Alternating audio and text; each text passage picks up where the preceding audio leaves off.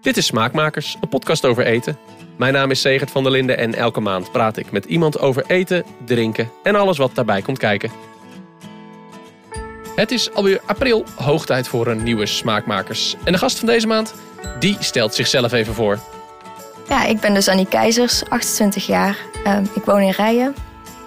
Uh, in dagelijks leven werk ik in het ziekenhuis op de operatiekamer als anesthesiemedewerker. Uh, maar daarnaast heb ik inmiddels een beetje een uit de hand gelopen hobby. Ik uh, bak heel graag, fotografeer en, dus, en styling. En ontwikkel recepten voor mijn blog. Um, en nu heb ik een boek gemaakt. En dat boek, daar gaan we het vandaag over hebben. Het heet IJs Co. en het komt 25 april uit.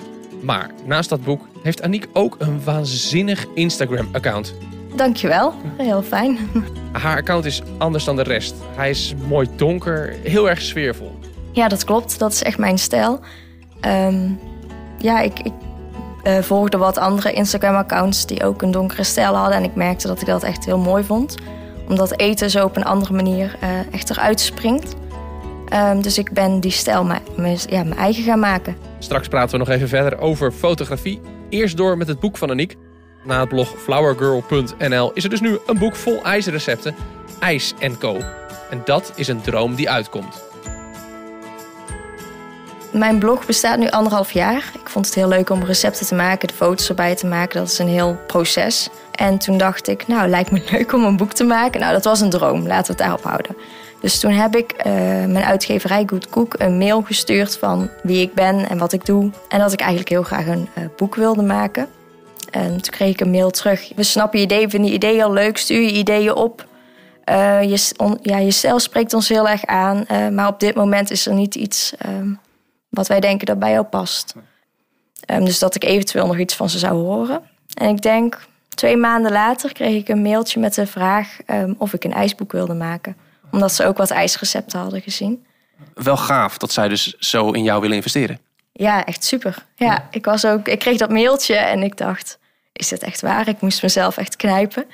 En dan een ijsboek. Dus hun, zij kwamen met het idee van, hey, je hebt ook een paar ijsrecepten. Kun je er nog meer voor ons gaan ontwikkelen? Ja. Jij dacht ook gelijk, top, ijsboek, goed idee.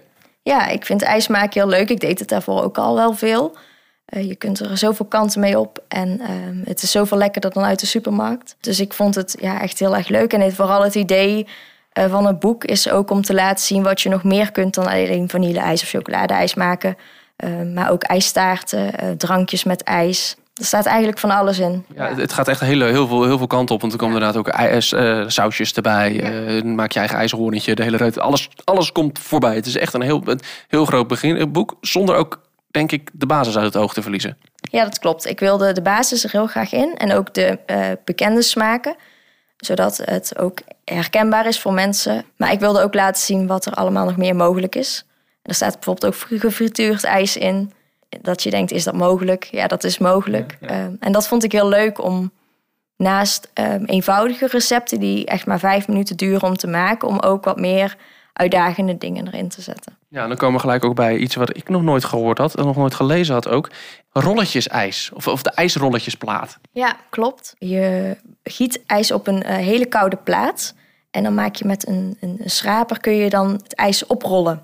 In bepaalde landen ook um, buiten staat er dan iemand met zo'n plaat. En dan uh, rollen ze ijsrolletjes, zetten ze in een bakje en het ziet er gewoon heel leuk uit. Dus het is net weer een andere manier van ijs eten. Ja, dus, dus, dus de presentatie is anders. Dus het, doet het ook nog iets met de smaak of zo? Of de, hoe je het eet verder? Nee, ja, de structuur is anders. Omdat het een rolletje is. Ik denk dat het vooral ook voor het zicht is. En ik vond het dan wel weer heel leuk om thuis uit te vogelen hoe je dat thuis kunt doen. Zonder dat je een hele dure plaat aan hoeft te schaffen. Maar hoe kun je dit thuis doen? Ja uiteindelijk is het helemaal niet zo'n moeilijk recept. Ja, want het, het, lijkt me dat de structuur dan van het ijs een beetje... Ik dacht, het wordt misschien een beetje korrelig of zo. Of een beetje grof, grover of zo. Niet het smeuige dat je hebt bijvoorbeeld van een gelato of zo. Um, nee, dat valt mee. Het is niet heel smeug natuurlijk, want anders kun je het niet oprollen. Maar het is niet korrelig of zo, want je maakt een hele gladde ijsbasis en het bevriest meteen. Dus je hebt ook geen ijskristallen of zo. Nou, nu ik toch bij de nieuwe ijscanner van Nederland zit, kan ik Aniek gelijk even mijn eigen ijsprobleem voorleggen. Ik heb namelijk al een paar keer geprobeerd sorbetijs te maken op basis van opgeklopte eiwitten. Geprobeerd inderdaad, want het resultaat was altijd moi moi. Ligt dat dan aan mij? Ik weet dat uh, bijvoorbeeld Ben Ungerman zo zijn ijs maakt. Van, van Masterchef. Van Masterchef. Ik heb hem toevallig vorig jaar januari geïnterviewd voor mijn blog. En hij vertelde mij dat hij zo zijn ijs maakt. Maar ik krijg de structuur dan dus niet goed op de een of andere manier. Nee, het is wel lastiger. En sowieso als je eiwitten opklopt, het hangt af van hoe je het doet. Maar ehm, eh, of je moet gepasteuriseerde eiwitten hebben. Maar je moet echt de basis van je eiwitschuim heel goed hebben. Ehm, en als je dat niet goed onder de knie hebt, dan wordt de structuur van het ijs heel anders. Het ligt aan mijn, uh, aan, aan, mijn kun kwaliteiten. Ik, ja, dat weet ik niet. Of aan, het, of aan het recept, dat kan ook. Ja, ik weet niet. Ik heb nou een paar keer hetzelfde recept geprobeerd te maken. Maar het, het blijft een soort rare, ja, korrelige structuur of zo. Heel gekke, heel raar. Het wordt ook, niet, wordt ook nooit mooie bolletjes of zo. Die krijg je er niet uit. En misschien is het recept niet goed. Nou ja, eh, jij hebt hem niet in je boek staan, hè, volgens mij. Nee, klopt. Nee. Uh, je hebt ook een aantal recepten met alcohol erin. Dat klinkt natuurlijk fantastisch. IJs met alcohol, als je dat op een feestje serveert, dan ben je gelijk helemaal. Uh, dan kun je niet meer stuk. Maar dat is, dat is niet heel makkelijk volgens mij. Het is anders. Um, ijs met alcohol blijft veel zachter. Um, duurt ook langer voordat het klaar is. Duurt ook langer um, voordat je het kunt eten. Het, is, het blijft zacht omdat de alcohol een ander vriespunt heeft. Ja. Um, maar het geeft wel een hele lekkere toevoeging aan het ijs. En het wordt echt nog zachter van structuur. Dus ja. Dus het is wel leuk om een keer te proberen. Het is zeker leuk om te proberen. En vooral het uh, granaatappel uh, sorbet ijs met prosecco is erg lekker. en dan heb je ook gelijk al wat prosecco natuurlijk. Dan wordt het gelijk een feest. En um, zijn er nou dingen op, op het gebied van ijs die jij nog zou willen proberen? Waarvan je denkt, nou dat, dat heb ik nou nog nooit gedaan. Of ben ik in de research tegengekomen. Dat wil ik een keer maken. Nou, dat ijs waar jij het net over had, uh, op de, uh, hoe Ben Ungerman zijn ijs maakt, um, dat lijkt me wel leuk om nog een keer te proberen.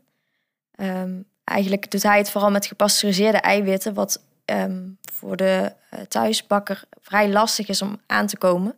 Dus daarom heb ik het ook weggelaten. Want ik wilde wel dat iedereen het ijs kan maken en dat niemand heel lang hoeft te zoeken naar bepaalde ingrediënten. Nou, ik zal, een keer, ik zal je straks als ik thuis ben een fotootje van het recept sturen. Kun je, kun je die van mij eens proberen? Kijken of jij het wel kan. Of het echt aan mij ligt. Ik ga het zeker eens proberen. Ja. Er staan dus, zoals gezegd, allerlei soorten ijs in het boek. Maar dat is niet alles. Want op tafel ligt iets dat mij al het hele gesprek verleidelijk aanstaart. Er staan donuts hier op tafel. Met roze glazuur, uh, framboos, aardbei. Uh, met rozenwater. En als ik het dan heb over roze, dan bedoel ik dus ook echt roze roze.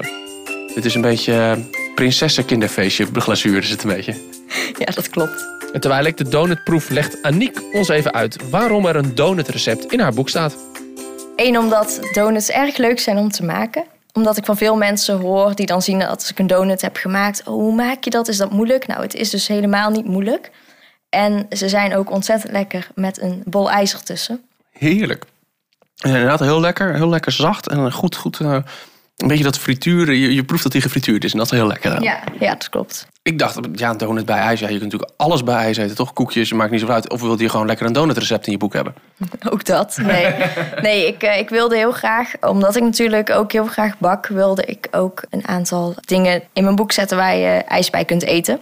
Um, dus er staat ook bijvoorbeeld een bubbelwafel in. Dat is een hele erge rage in China en Japan. Je ziet het nu ook hier steeds meer... Um, dus die wilde ik erin. En uiteindelijk kwam ik dus ook bij een donut. Dat ik dacht, ik wil ook laten zien dat ijs ook te eten is bij iets anders dan alleen een horentje. Je hebt natuurlijk in een beetje de bepaalde culinaire kringen heb je ook bijvoorbeeld uh, hartig ijs en zo. Maar ja. daar ben je een beetje van weggebleven. Ik vind het zelf minder lekker. Um, en ik denk ook dat mensen het minder snel gaan maken.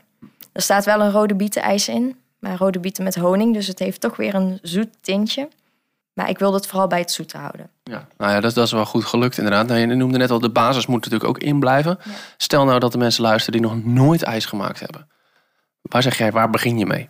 Bij wat je lekker vindt. Er staan wel wat recepten in die iets lastiger zijn. Maar chocoladeijs is niet heel veel moeilijker dan vanilleijs. Of eigenlijk is de, uh, de basis is hetzelfde van alles. Dus begin bij wat je lekker vindt. En um, probeer het uit. Um, er zijn heel veel recepten wel op basis van een kuststart. Dat is in het begin wat lastiger. Dat heb, dat heb ik ook apart nog uitgelegd. Maar je hebt ook uh, sherbet-ijs. Dat is sorbet-ijs met een beetje zuivel aan toegevoegd. Dat is zonder, uh, dus niet op basis van ei. En dat is eigenlijk het makkelijkste. Dus misschien is dat een goed begin. Is er nog iets wat je mensen bijvoorbeeld wil meegeven met je boek? Of je denkt van nou, ik hoop dat ze dit oppikken uit het boek? Wat ik ook heel leuk vind om te doen is spelen met smaken. Dus ik heb in sommige recepten ook toevoegingen van bepaalde kruiden of smaken gedaan die ze ook weg kunnen laten. Of tips gegeven van je kunt hier heel goed mee variëren. Het lijkt me leuk als mensen zelf ook dingen uit gaan proberen.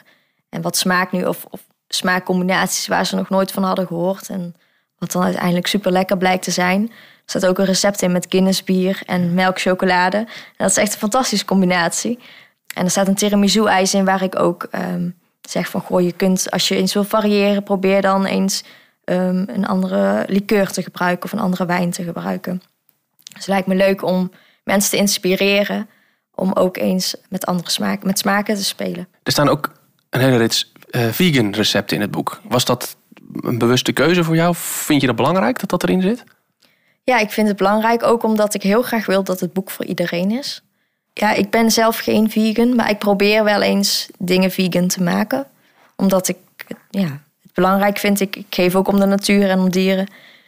Um, dus ik, ja, ik vond het erg leuk om daar ook onderzoek naar te doen. Er staat bijvoorbeeld een, uh, staan vegan ijstaartjes in. Dat heeft best lang geduurd voordat dat recept, voordat ik 100% tevreden was voor dat recept. Maar ik vond het heel erg leuk om te doen. En om ook echt iets lekkers voor, um, voor vegans te maken. Oh, hoe komt het dat het zo lang duurt dat het recept uh, goed is? Nou, omdat ik wilde dat het net zo lekker is als gewoon ijs. Maar je kunt geen eieren gebruiken, wat een belangrijke basis is voor ijs of uh, slagroom. Dus je moet met hele andere uh, producten gaan spelen. En als, ja, ik ik had dat nog niet zo vaak gedaan. Dus dat is echt even zoeken. Maar echt leuk om te doen. Ja, want het is niet zo dat je zo eventjes de, de slagroom kan uh, vervangen door een, een, kokosroom of een andere soortige uh, plantaardige room, lijkt mij. Het is net weer ander spul. Het, is net, het werkt allemaal net weer anders. Dus kokosmelk met een hoog percentage vet is een hele goede vervanging. Uh, maar het brengt ook weer een andere smaak met zich mee. Dus je moet daar een balans in zien te vinden. We gaan even terug naar het begin. Het hele vroege begin, nog voor er een boek, een blog of een camera was. Want hoe is Aniek eigenlijk ooit met bakken begonnen? Ik houd heel erg van zoete dingen. Mijn vader uh, had dat ook en mijn oma ook. Um, dus toen ben ik eigenlijk, toen ik heel jong was, al begonnen met cakes maken, appeltaart maken. Um, op een gegeven moment werd ik er beu. Toen dacht ik, ik wil meer. Toen heb ik mijn eerste bakboek gekocht. Dat was een heel dik uh, roze patisserieboek. Ja, en toen ben ik daar wat dingen uh, uit gaan proberen. Um, er kwamen steeds meer bakboeken bij. Dat werd ook wel een verslaving.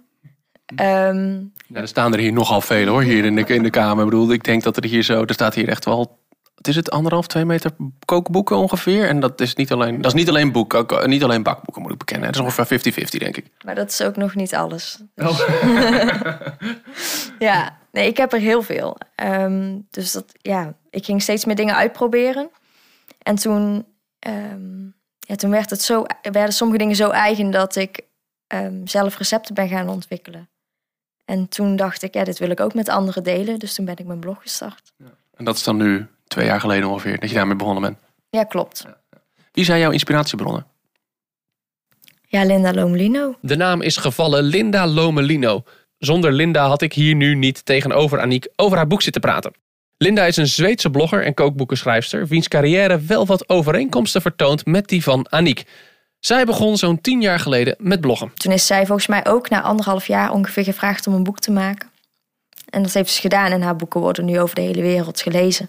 Ik vind wat zij doet, eh, de, de sfeer die zij creëert in haar foto's, maar ook uh, haar recepten kloppen gewoon allemaal. Als ik iets van haar maak, dan klopt het gewoon. En, en is, is zijn haar recepten dan ook uh, weer heel anders ja, sowieso heb ik het idee dat in ieder land wel bepaalde uh, manieren zijn van dingen maken. Je kunt natuurlijk, er leiden veel meer wegen naar Rome. Zij maakt bijvoorbeeld haar botercrème op basis van een Zwitserse merengue. Dat was voor mij iets heel nieuws. Mhm. Ik had nog nooit zoiets geproefd. Ik dacht, oh, dit is fantastisch. dus het is misschien ook de Zweedse cultuur die er dan in, in doorkomt. Die voor jou, de Zweedse kookcultuur dan bedoel ik, die, die, die er doorheen komt. Ja, en uh, het gebruik van bepaalde specerijen in bakken. Zij doet heel veel met cardamom. Had ik eigenlijk ook nog nooit van gehoord. Um, dus dat vond ik heel leuk. En het maakte wel ook dat ik verder ging kijken dan alleen de Nederlandse boeken. Ik denk dat de helft van de boeken die hier in mijn boekenkast staan ook in het Engels zijn. En dan gaan we, zoals beloofd, nog even terug naar het onderwerp fotografie. Nou, zoals eerder al gememoreerd. Ik eh, vond jou, kwam jou een keer tegen op Instagram. Daar ben ik je gaan volgen omdat ik je stijl heel cool vond. Zo mooi donker. Dat zijn de foto's in het boek helemaal niet. En toch zijn het jouw foto's, jouw styling. Alles is van jouw hand. Hoe, hoe ben je zo tot die keus gekomen? In overleg ook met de uitgeverij. We wilden een vrolijk ijsboek maken. Um, en mijn donkere stijl past iets minder bij ijs. Dus we wilden dat het echt zomer uitstraalt. En uh, kleur en ijs. En dat was voor mij erg leuk ook om te doen. Ook om mezelf uit te dagen. Uh, want daarvoor bleef ik heel erg in die donkere stijl. En ik zie nu ook terug in mijn feed dat ik veel meer lichte foto's ga maken. Uh, als afwisseling. Ja. Um, dus dat was erg leuk. We hebben, zijn ook een keer naar Doel geweest in, in België om foto's te maken. Een buitenshoot gedaan met graffiti. Dus dan ga je naar België, dan neem ik aan dat je daar een plek hebt waar jij je ijs kan maken. Want ik neem maar dat je niet je ijs. Ja, daar ging gewoon achter in de auto, ging dat ijs allemaal mee? Ja, dat was ook wel erg leuk om te doen. Uiteindelijk heb ik het ijs thuis gemaakt, in aluminiumfolie verpakt, in een koelbox tussen ijs, hoe heet het, van die koele elementen gelegd.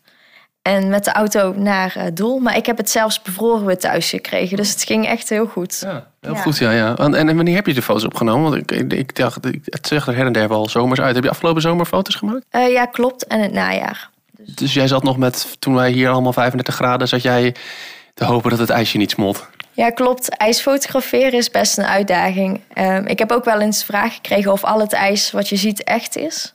En al het ijs is gewoon echt. Um, er, hebben hier, uh, er heeft hier heel veel ijs op de vloer gelegen. Want inderdaad, met 35 graden ijsfoto's maken is een uitdaging. Ja. Maar het was ook wel weer leuk, want ik moest dus van tevoren bedenken hoe ga ik mijn styling doen.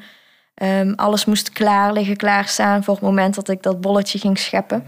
Is dat misschien ook de reden dat je zelf ook alle styling hebt gedaan? Want meestal doen, doen de mensen die het boek schrijven, doen niet zelf de styling en de fotografie. Maar ja, als je ijs maakt, moet je natuurlijk snel foto's kunnen maken. Is dat ook de reden dat je het allemaal zelf gedaan hebt? Mm, nee, ik wilde het heel graag zelf doen. Want ik wilde. Um, dat, nu is het echt mijn boek. En alles is um, gedaan zoals ik het heel graag wilde. Ik krijg ook het idee dat eten en fotografie bij jou ook wel heel erg met elkaar verbonden zijn of zo. Die horen bij elkaar. Ja, voor mij hoort het ook bij elkaar. Als ik iets maak, dan wil ik ook zelf de foto maken. Want het maken is de ene helft en de foto maken is de andere helft. Als je mij ook zou vragen, wat doe je liefst? Ik zou ook niet kunnen kiezen. Nee, dus daarom, stel dat er nog een nieuw boek gaat komen. Komt dat dan al? Zijn er al plannen? Hebben we andere plannen? Nee, er zijn nog geen plannen. Ik ben wel gevraagd voor een ander boek te fotograferen. ja, die informatie volgt nog. ja. Um, maar ja, lijkt, ja, als ik nog ooit een boek zou mogen maken, dan zou ik het weer heel graag allemaal zelf doen. Dat was hem. Mijn gesprek met Aniek Keizers over haar boek IJs Co. Wil je haar volgen en haar boek kopen, dat 25 april uitkomt dus? Kijk dan even voor alle linkjes in de show notes. Over twee weken ben ik er natuurlijk weer, dan met een extra zoete editie van de Smaakmakers Standaard Uitrusting. Tot die tijd laten ze een waardering of een review achter in iTunes. Dat helpt andere mensen weer om de podcast te vinden. Over twee weken dan ben ik er dus weer. Tot dan.